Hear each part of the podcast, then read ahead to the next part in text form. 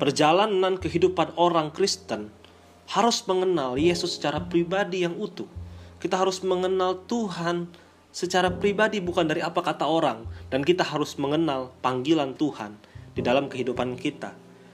Di dalam 2 Petrus 1 ayat 8 yang mengatakan sebab apabila semuanya itu ada padamu dengan berlimpah-limpah kamu akan dibuatnya menjadi giat dan berhasil dalam pengenalanmu akan Yesus Kristus Tuhan kita. Kalimat semuanya ini tertulis di ayat sebelumnya ayat 5 sampai 7 kamu harus menambahkan imanmu kebajikan, pada kebajikan pengetahuan, sampai kepada kasih akan semua orang.